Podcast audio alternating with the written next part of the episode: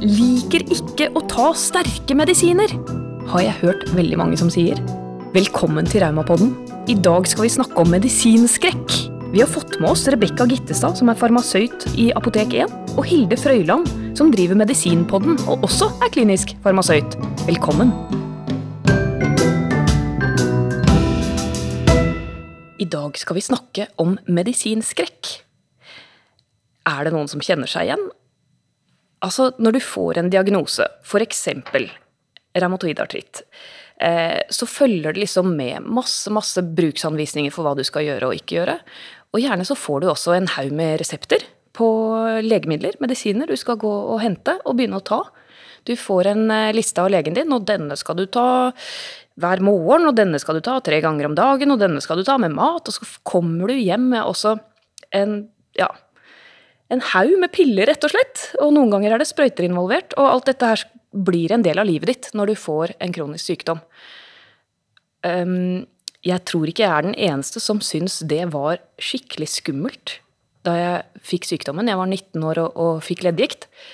Og tidligere så hadde jeg vært eh, ikke sant, aldri måttet ta noen medisiner, men plutselig så var det både ja, morgen og kveld og dagen lang og pilleglass opp og ned. Og eh, fra Paracet til eh, gullsprøyter fikk jeg, og, og cellegift skulle jeg ta, metotrexat. Og jeg var Jeg syntes det var skikkelig skummelt, altså. Jeg hadde ikke lyst til å ta det. Så i dag skal vi snakke om medisinskrekk. Vi, vi, hører det fra medlemmene våre, spesielt kanskje de nydiagnostiserte, også foreldre med barn som har barneleddgikt, at de vil helst ta så lite medisiner som mulig. Dette temaet har blitt veldig aktuelt nå i koronaperioden. Vi gjorde en medlemsundersøkelse tidlig i vår og hvordan, spurte hvordan korona påvirket dramatikere. Og veldig mange svarte at de hadde sluttet å ta medisinene sine. Og det hadde de gjort uten å snakke med legen. Joakim, hvorfor vil vi ikke ta medisiner?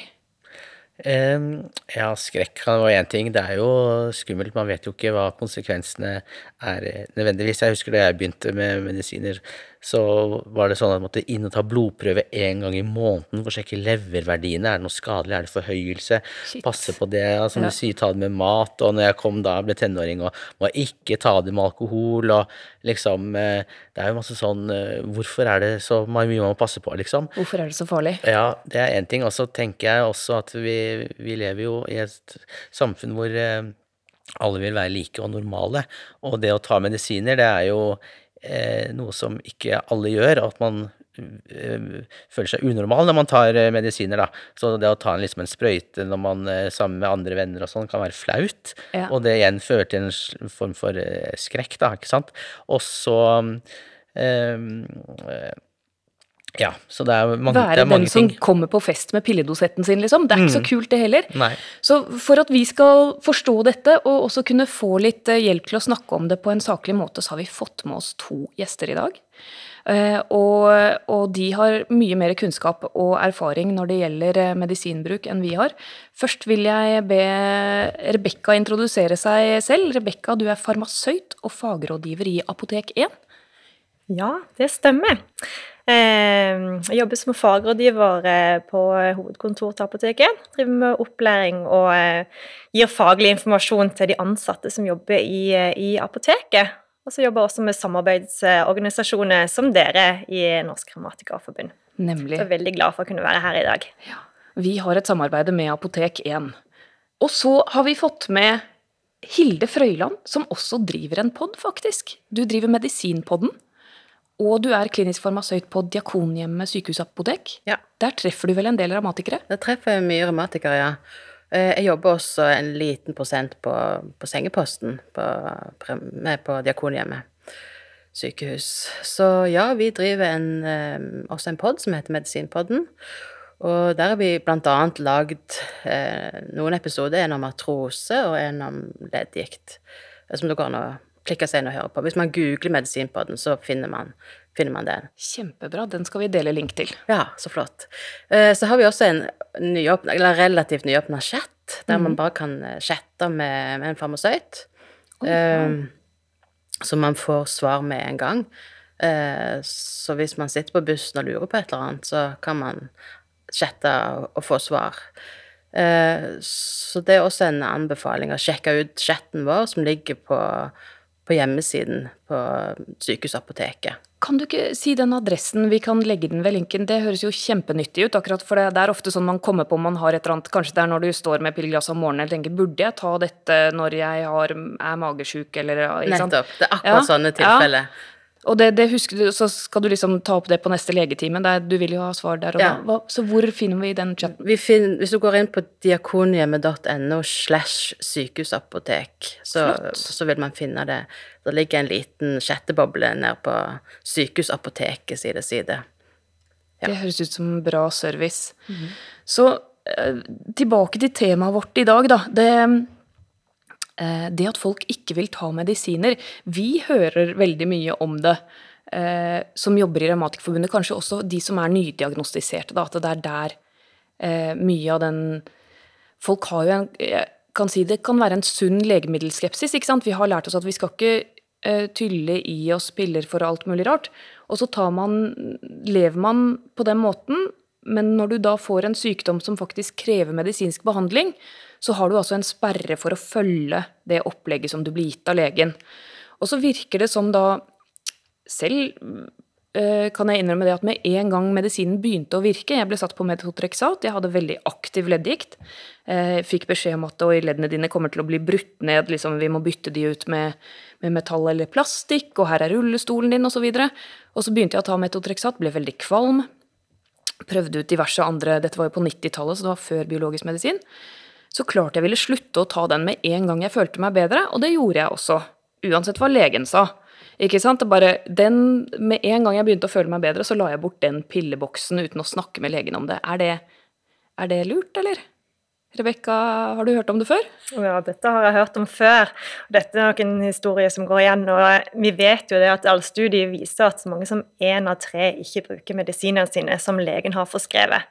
Det kan jo være som du sier at man gjør det bevisst, men eh, det er også mange som gjør det ubevisst. Det er ikke så lett å legge om hele livsstilen sin. Man er vant med å ikke bruke noen medisiner, og plutselig så får du mange medisiner som skal tas på ulike tidspunkt, med og uten mat. Noen skal bare tas en gang i uka, noen skal tas på alle de andre dagene i uka. Det er mye, det er en stor omstilling, da.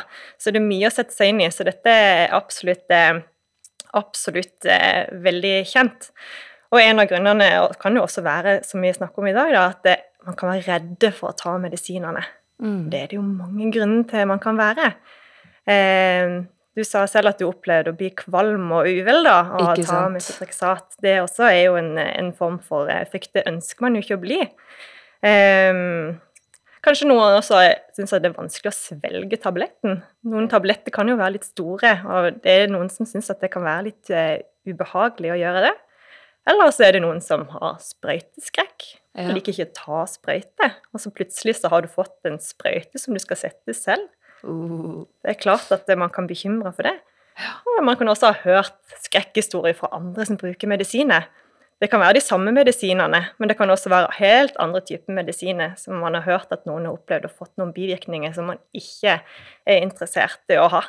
Og da er det mye bedre, tenker man kanskje, da, å ikke bruke medisiner. Det, er lett ikke sant? Man vil bli frisk. Folk vil gjerne bli så friske som mulig, og så man, jo friskere man føler seg, så, så ja, men, Og hvorfor trenger jeg? Så når medisinen funker, da, så er det lett at du setter den til side. Ja, så er det jo mange medisiner som, eh, sånn som er spesielt biologisk, da, som er i kroppen en stund, sånn man føler seg bedre, så slutter man kanskje en uke eller to eller tre, eh, avhengig av hvilken medisin man går. Altså, jeg blir jo ikke dårlig, og så plutselig så blir man gradvis dårligere, for eksempel, for det, det er lang tid medisinen har en virkningseffekt, da. Så jeg har også opplevd det i Burg, at det er mange som, som eh, er veldig opptatt av å trappe ned og slutte medisin, liksom. Ikke sant? Slutte. Så fort som mulig. Ja, og jeg skjønner jo det kanskje når det er eh, medisiner med veldig mye bivirkninger. Eh, at man, Jeg husker da jeg var liten og gikk på sånn Prenisolon. Det er det litt mindre av nå, men det er fortsatt mange som går på det. Så, så, så er det jo veldig mange bivirkninger. At man blir god og rund og får væskeansamlinger og sånn. Og da var vi opptatt av å ha en sånn eh, veldig strict nedtrappingsplan, da. Okay. Men det var i samråd med, med lege. Så du var flink pasient og gjorde som legen sa? Eh, Ja, på akkurat den penicillonen, men når det gjaldt den jeg tok ved siden av, som var noe sånn eh, hva heter det, folat, fol, folsyre, eh, så ga ikke det noe effekt. Og jeg tok den, men merket ikke noe forskjell, så den var jeg veldig sløv på. Ok. Merke forskjell.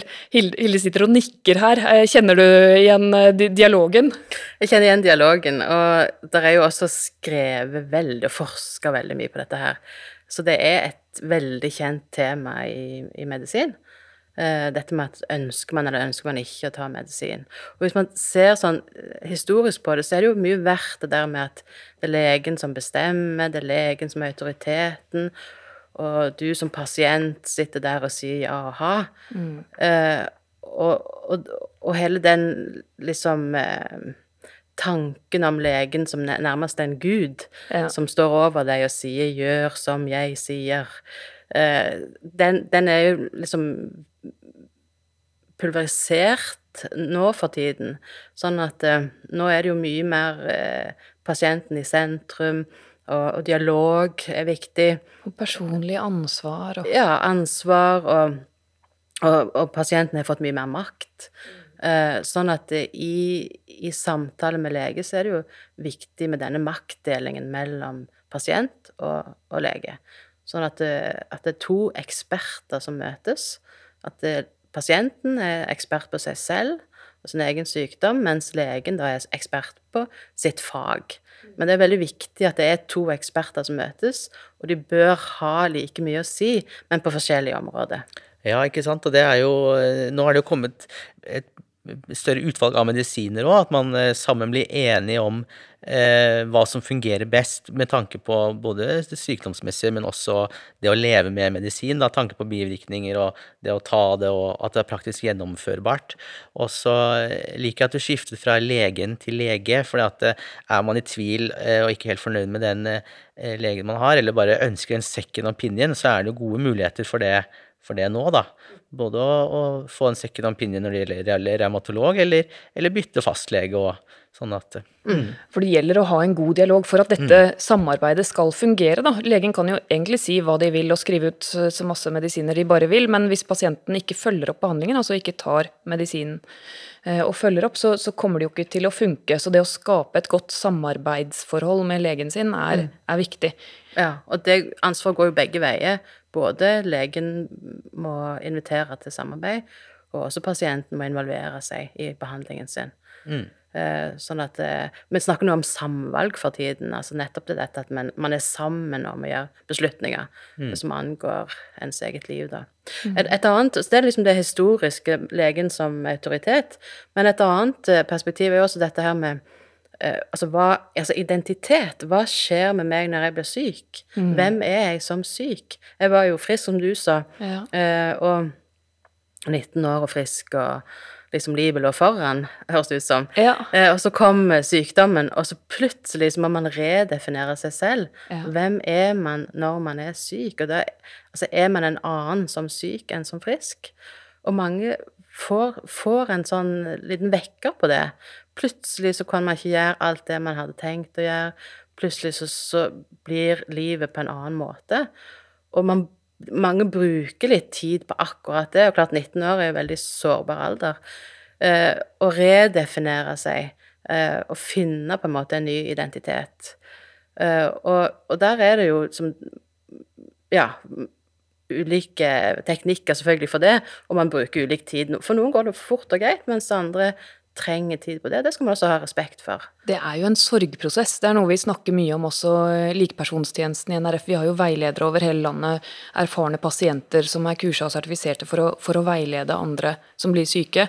Og det går jo igjen, ikke sant, den her sorgprosessen om at man kommer i en sjokkfase og en reaksjonsfase, og, og kanskje akkurat den derre eh, altså Fornektelsesfasen kommer vel uti der et sted, hvor, hvor, hvor eh, kanskje spesielt yngre pasienter da gjerne vil droppe medisiner fordi det minner dem om sykdommen.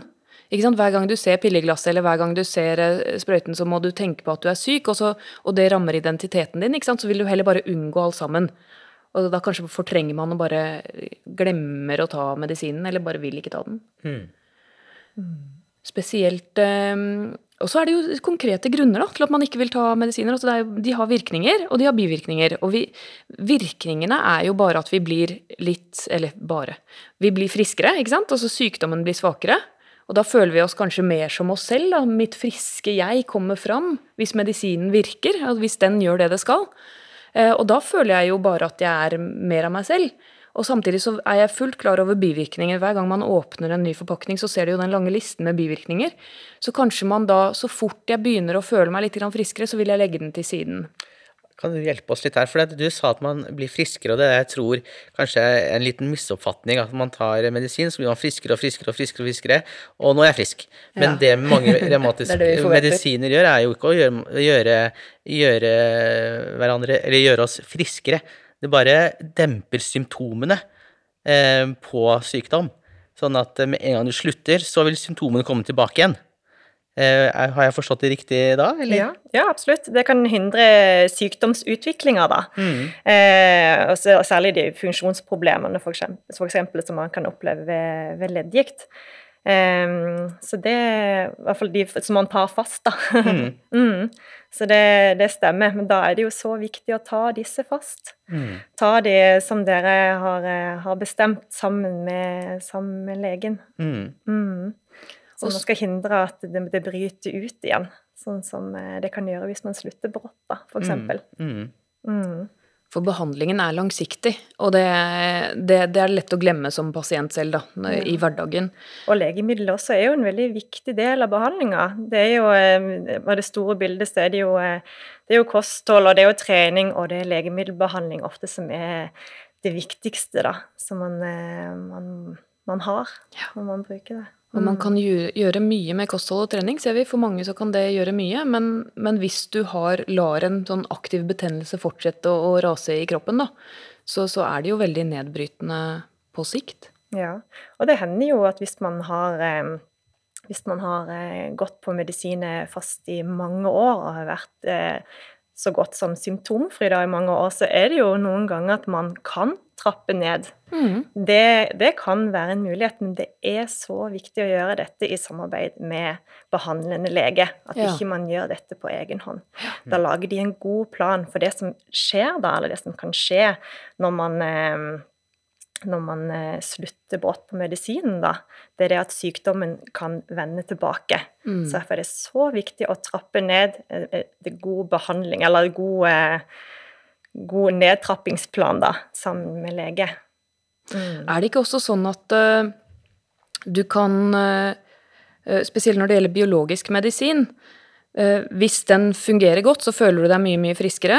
Og så kanskje man, man, begynner å trappe ned, eller glemmer å ta det, eller slutter å ta det bevisst uten å snakke med legen sin. Men da er det ikke sikkert at den samme medisinen vil virke hvis du begynner å ta den igjen. Det også, jeg vet ikke jo, altså vi har en eh, undersøkelse, eller vi har et prosjekt på, gående i Norsk Revmatikerforbund som heter eh, Drømmen, Foreldredrømmen. Ja. Og da gjorde vi en undersøkelse, og det er mange som eh, Eller det er en, en del som slutter med medisin i forbindelse med det fordi man er usikre på hvordan medisinen vil påvirke Graviditet. det å få barn og fostre og sånn, da. Men, men det som er en som man tror, da, er at når man stopper lenge på biologisk medisin, så kan det danne seg antistoffer mot den medisinen. Mm. Så når man da begynner på den igjen, så funker den ikke. Og da kan det hende at, det er, at man ikke finner noe alternativ heller som vil eh, fungere. Så det er jo litt eh, skummelt, da. Det er rett og slett sånn. litt risikabelt. Mm. Møter dere sånne pasienter på Diakonhjemmet, Hilde? Ja, det, det, er ikke så veldig ofte at det skjer, men det forekommer. Uh, så det kanskje ikke regelen, ja. eh, men litt mer unntaket. Men de er jo viktige, de unntakene òg, selvfølgelig. Eh, men ja, altså dette med å, å, være redd for å bruke opp virkning av medisin, det er jo noe som går igjen eh, veldig ofte. Eh, og en av grunnene til at man ikke vil ta. Og der kan det forekomme på de biologiske, men eksempel type sånn eh, Paracet eller mm eh, Voltaren, Arcox Altså den type medisin. Der bruker man ikke oppvirkningen. Altså der Er det det som kalles NSIDES? NSIDES, ja. NSIDES kan du bruke uten å Ja. ja. Der bruker du ikke opp eh, Det er noen som, noen som tror da, at man bruker oppvirkningen. Eh, så det, det, stemmer ikke. Så det er litt forskjell på hva slags type medisin man tar. Eh, for det dannes ikke antistoffer i alle medisinene, sånn sett. Så Toleransen blir ikke høyere heller, liksom? Det er Nei, ikke, ikke på de, den type medisin. Men det er klart, hvis du har rene smertestillende medisin, som for eksempel Pinex, Baginforte, Tramadol. tramadol og sånne ting, der vil det skje en toleranseutvikling Mm. hvis man bruker det. Så der kan man liksom bruke virk, kan man snakke om bruk av virkningen på et vis. Men da venner kroppen seg til å bruke den medisinen. Mm. Eh, Så det er noe annet. Det er kanskje ikke så mange som bruker så mye av den, den type medisin. Da er det viktig å trappe ned, eh, trappe ned i, eh, ja, i samråd med legen. da. Ja, og ta det sånn ved behov, altså ikke nødvendigvis fast, men akkurat når man trenger det for smerte, eventuelt. Mm. så så det, er veldig forskjell på medisingruppene, hvordan man skal tenke om, eh, om det å bruke oppvirkning.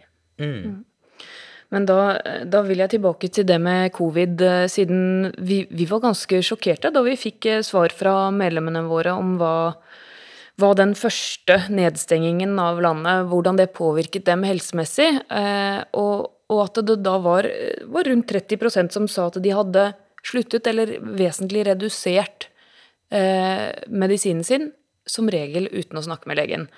Eh, og jeg forstår det jo også, for det? Det, er, det er sånn man, man vil ikke belaste legen. eller sånn, du, du, det, er, det er vanskelig å få en legetid, eller Og så kommer denne sykdommen hvor eh, du, du forstår jo at immun, immunforsvaret er, eh, er viktig. Og de som eh, immun, liksom har dårlig immunsystem, kan være i risikogruppen. Så går du på en medisin hvor du har blitt fortalt at en del av bivirkningen er at det, det demper immunreaksjon. Så tenker man bare selv ja, men da Jeg trenger jo sikkert ikke den, det er ikke så farlig at jeg tar den medisinen nå, og så slutter man. Hva, hva skal vi si til de, de som gjør det? Ja, der er jo lagd Altså hvis man går inn på, på Diakonhjemmet sykehus sin nettside, så er det veldig god veiledning Ja. der som man kan gå inn og lese. Og det, og det man da sier, er at man ikke skal slutte. Ja, Eh, la være å slutte. Eh, bare bruk de. bare bruk de. Vi snakket jo, vi hadde Espen Håvardsholm eh, fra Diakonhjemmet som har laget den veilederen for revmatologer i hele landet på, som gjest på podkasten før sommeren. Og han sa jo det at det var ingen eh, forskning som viser at revmatikere som går på immundempende medisin, hadde mer alvorlig mm. sykdom enn andre. At det, det var ingen grunn til å slutte med medisinen. Mm. på, på av Konsekvensen er av å slutte er større enn sjansen for, enn det å få covid-19, covid-19, da. Ikke sant? Ja, det er jo fortsatt tidlig. Det blir sånn skummelt å trekke konklusjoner, men ut, ut fra hva vi vet, Vet nå dag, ja, ja. Ut fra hva vi vet i dag. Og hvis man tenker oss i et samfunnsperspektiv, så er det jo klart at hvis man da slutter å bli dårlig og blir lagt inn på sykehus, Ja. så vil det koste ikke bare den enkelte, men også samfunnet mye. Og din Så- risiko hvis du, blir, hvis du blir dårligere på en måte og havner på sykehus, er jo ganske mye større enn hvis du klarer å være hjemme. Ja. Og så blir det mer trøkk på sykehuset. Så det er jo, det er jo veldig sånn mye som kan skje. Men da um, Altså, Kan jeg si én ting absolutt. om uh, det som kalles for metotrexat? Ja, Kanskje alle det er kjenner mange som lurer på den, altså. Ja. Ja, det var det. Den er på lista. Ja, den er, Ja. det er mange som lurer på den. Og, og det er mange som har en skepsis mot den medisinen. Cellegift. Det er jo cellegift. Ja, Og så blir du satt på det liksom for kronisk En ting er for kreft, men at du blir fortalt dette skal du ta liksom resten av livet. Ja. Jeg skjønner godt at Men- folk blir ja. sjokka. Ja. Unnskyld at jeg avbryter, men det er jo ikke sammenlignbare doser da, i det hele tatt. I forhold til eh, med kreft, ja. Det er ikke sammenlignbare doser, så det er veldig viktig. Så, så på en måte så er det litt misvisende at, at man kaller det cellegift. Ok. Eh, altså stoffet i seg selv er jo en cellegift, men, men i de dosene så virker det på en helt annen måte. Okay. Så derfor så, så er det unødvendig å koble det til kreft. Ja. For det, det er ikke sånn sett noe sammenheng. Og det er et dosespørsmål. Mm. Du skal ha helt andre doser. Eh, om du har kreft, eller om du har en revmatisk eh, lidelse. Så det er veldig viktig å være klar over den forskjellen der. Og, og kanskje la være å bruke ordet cellegift. Okay. Jeg vil egentlig bare oppfordre alle som er borti den medisinen, å slutte å bruke det ordet. Rett Vi og slett, snakker om metotrexat. ja, det skremmer så mange, Mm. og det er så unødvendig at man blir skremt av den grunn, da. Og det er ikke cellegift i den dosen. Nei. I, i de dosene så er det virkelig ikke sånn. Så den er bare immundempende, på en måte? Eller hva, hva, hva, er virkningen, liksom? Hvordan funker metotrexat? Ja, den, ja, den demper dette immunforsvaret, Ja. og, og i det virker på selve sykdommen, da. sånn at eh, sykdommen bremses litt opp. Man får mindre betennelse. Ja. Og det er også en kumulativ effekt, ikke sant. Så det er ikke sånn at du nødvendigvis du tar én dose, og så kjenner du deg mye bedre. Men det, det bygger på hverandre, og derfor er det viktig å ta den regelmessig. Ja, og den tar jo ganske lang tid før den begynner å virke. Seks til åtte uker. Ja. Så det er jo ikke bare å ta en dose og så tenke oi, eller to eller tre doser. Ja. det er faktisk noe du må bruke litt før du kommer opp i den, eh, den dosen som har effekt. da. Du bruker lang tid på å sette seg ordentlig i kroppen. På godt og vondt. Mm. Da er vi inne på litt sånn der do's and don'ts med legemiddelbruk, tror jeg. Altså fordi eh, er vel en av de medisinene som, som folk eh, tar opp at de får bivirkninger om det er kvalme og sånn med. Hvordan, hvordan kan man minimere de bivirkningene som f.eks. kvalme? Ja, et godt råd det er jo å f.eks. ta den på kvelden. Ok? Da, eh, da kan det jo hende når man våkner dagen etterpå, at man ikke kjenner seg så kvalm og uvel, at den eh, verste bivirk- bivirkninga har gått over. For kvalmen kommer ofte noen timer etter, eller? Ja, den kan komme ganske raskt etter inntak. Ja, så etter hvert blir det jo psykisk òg. Det er jo barn og sånn som tar den og blir kvalm av å se på den. Ja. Uff. Eller se farger som er gule eller ligner på den pillen og eh, Så det blir jo psykisk, da. Også. Ja, men de forbinder, ikke sant? Ja, de Ja. forbinder den medisinen med kvalme. Men, men da kanskje det også kunne hjulpet å ta det på kvelden, eller er det andre Ja, jeg har hørt foreldre som har knust pillen, og så har de puttet det i syltetøy i pålegg. Sånn, litt sånn praktiske tips og sånn. Det er også apotekene veldig gode på å gi. Ofte gir de uoppfordret òg. Jeg har hørt mange av det mange ganger siden jeg har gått medisiner lenge, men, men eh, du må få god hjelp på apoteket nå, syns jeg, da. Ja. Det man ofte gjør, er å ta det som kalles folsyre i tillegg. Ok? Som, eh, som er noe man tar hver dag, i motsetning til metotrexat, som tas én gang i uka. Eh, og, det, og det er for å dempe bivirkningene av metotrexat. Mm. Uh, så den har ikke noe sånn sett effekt på sykdommen, men den er kun for å hjelpe at det ikke blir så mye bivirkninger av metotrexat, for, for, som f.eks. kvalme, altså redusere. Så det er en av grunnene til at den henger på hele tiden. Nettopp. Ja. Det, det er det, ja. Det er en sånn eh, støtte... Det er derfor du skulle ta folsyren din, Joakim. Ja, ja. ja. Men Så- jeg syns å huske at jeg også gradvis stoppet med den metrotrexaten, fordi at når jeg kom i tenårene og var glad i en fest, så hadde jeg hørt at jeg kunne ikke ta metrotrexat Og drikke og alkohol. drikke. For meg var det viktigere å, å drikke alkohol på akkurat den tiden, da. Eh, Men, men det jeg har hørt senere, er jo av revmatologer og sånn, at det går an å kombinere. Man kan f.eks. ta metrotrexaten på en mandag, og så kan man ta en fest i helgen, da. Mm. Så sånne ting er jo man kan diskutere med, er viktige med legen sin. prioriteringer, ikke sant? Ja. Ja, ja, ja. Og, dette, og dette er noe av det viktigste du sånn inne på, den samtalen mellom pasient Mm. og lege, og der legen spør hva er viktig for deg i ditt liv. Mm. Og hvis du da sier det som er viktig for meg, er å ta en liten fest og være sammen med venner, være sosial, Mm. det er viktig for meg i mitt liv. Og da må man legge opp behandlingen deretter. Mm. Som, som lege så plikter man det. Å finne og skreddersy den behandlingen som passer akkurat til deg. Livsfasebasert behandling. Rett og slett. Ja, individtilpasset. Ja, Ja, det er mange flotte ord. sånne fine som er begreper. Ja. Men det er klart, alkohol og, og legemidler generelt er ikke en veldig god kombinasjon. eh, og særlig ikke da med metotrexat. Men, men det betyr ikke at man trenger å være helt av, avholdende. Og så har man altså god eh, pekepinn på hvordan det går når man tar blodprøve. Vil man se på leveren hvordan du tåler det. Mm. Ja. Og da, da må vi jo også snakke litt grann om det når man veier virkninger og bivirkninger. For det eh, Hva skjer med en ubehandla leddgikt? Altså det, det er det jeg, jeg føler når jeg snakker med nydiagnostiserte, at eh, du kan ikke helt få formidlet hvorfor de bør ta den medisinen når det er en kronisk sykdom. Da. At en ubehandla leddgikt eller en ubehandla leddsykdom det kan være ganske alvorlig, liksom. Men det kommer snikende, krypende kanskje og, og utvikler seg over tid. Så det å følge behandlingen man får fra legen, kan gi deg et veldig friskt liv. Mm. Absolutt. Eh, Så, så, så man bør, bør virkelig etterstrebe det samarbeidet da, for å for, for bli så frisk som mulig, rett og slett. Og følge behandlingen. Og så Ja. kan det jo også bidra til å, å bremse sykdommen Mm. hvis man begynner på legemidler tidlig. Det er jo det man eh, Ja, det. anbefaler veldig sterkt, da. At ikke man lar det gå for langt, da. Ta- Ikke sant? For den skaden, det, det, det bygger seg også opp. Og det blir litt sånn selvmotsigende i forhold til hva man kanskje tror at det, eh, Og medisiner Jeg venter med de sterke medisinene til, jeg, sant, til det er virkelig alvorlig. Men da går det kanskje ikke an å bremse. Samtidig som det Eller ikke like mye, men nå er det vel mer og mer forskning som viser det at du kan slå ned sykdommen hvis du kommer i gang den her treat to target-studiene Ja. som er gjort og sånn. Kanskje du kan fortelle Du- litt om det? Ja, det, det er jo rett og slett det at man kommer tidlig i gang med, med sykdomsbremsende medisin, sånn at Mm. ikke leddene blir ødelagt. For hvis du først har ødelagt leddene, så er det jo Da vanskelig å. Ja, da må du operere og, og sånn. Så, så det er jo et poeng å, å få bevart leddene så mye som mulig, og det gjør man med de medisinene der som bremser litt sykdomsutviklingen. Så det, så det er viktig. Og hvis man kommer i gang med det tidlig, så kan man faktisk være veldig velfungerende da, med, en, med en leddgiktdiagnose i dag. Mm.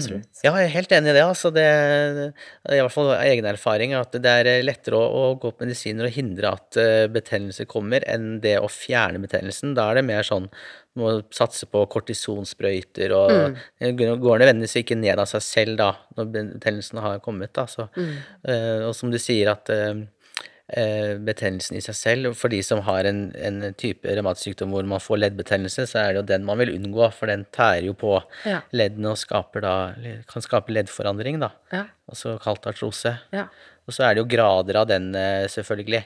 Så alle må jo ikke eh, operere selv om man får eh, artrose. Det er jo også når man opplever, opplever det, da. Mm. De færreste opererer av av Heldigvis. Artrose. det er jo akkurat pga. gode medisiner, ikke sant. Ja. Og fysisk aktivitet og eh, godt kosthold. Da. Og det har jo skjedd en revolusjon innenfor legemidler på, på våre sykdommer, da. Altså inflammatoriske leddsykdommer, ikke sant, med biologisk medisin. Så Det det. plutselig ja, så er det mulig å behandle ting som ikke var mulig å behandle før. Jeg, ser på, jeg ser på behandlingsmulighetene vi har som eh, lagspillere, som gode venner, som samarbeider, sånn at eh, eh, sjefen, altså meg, skal fungere optimalt. Og eh, har man gode medisiner, så, så lever man et, kan man leve et bedre liv sosialt, bli for sterkere syke og eh, lettere å trene fordi det er mindre vondt. Og man styrker eh, muskulatur og alt rundt eh, leddene som gjør at man har, er bedre rustet for dårligere eh, perioder. Da.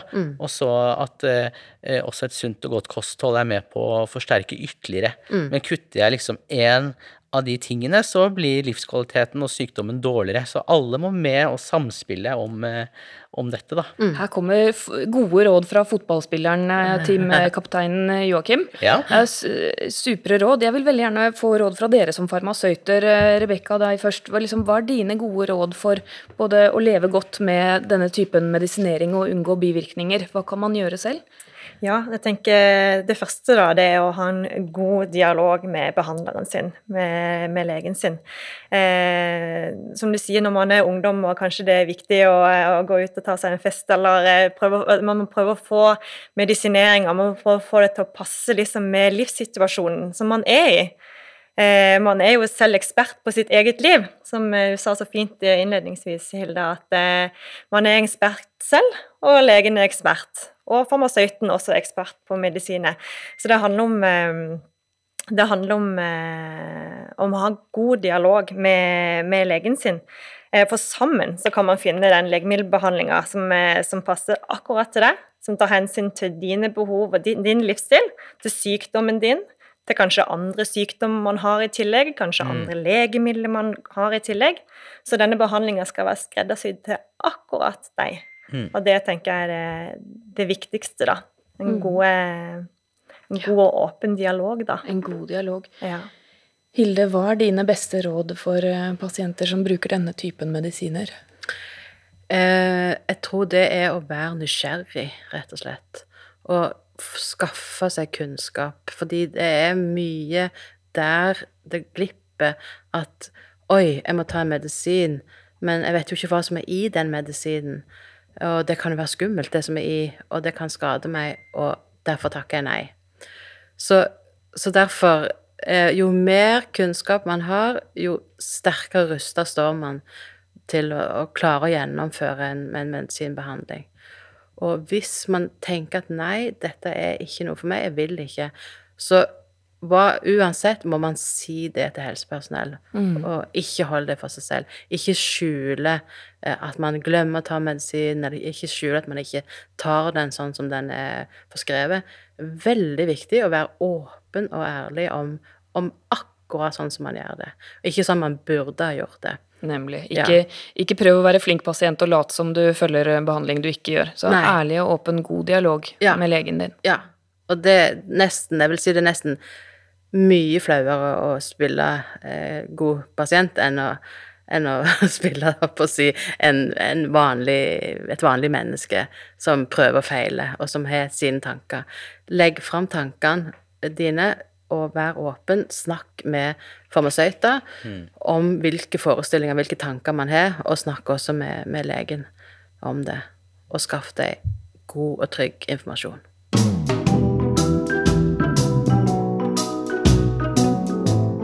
Tusen takk, Hilde og Rebekka, som kom og delte kunnskap med oss om akkurat dette litt vanskelige temaet som er medisinskrekk. Hvis du fortsatt er redd for å ta medisinen din, så syns jeg du skal gå og snakke med farmasøyten på apoteket. Tusen takk til Podmaster, som har fiksa lyden her i dag.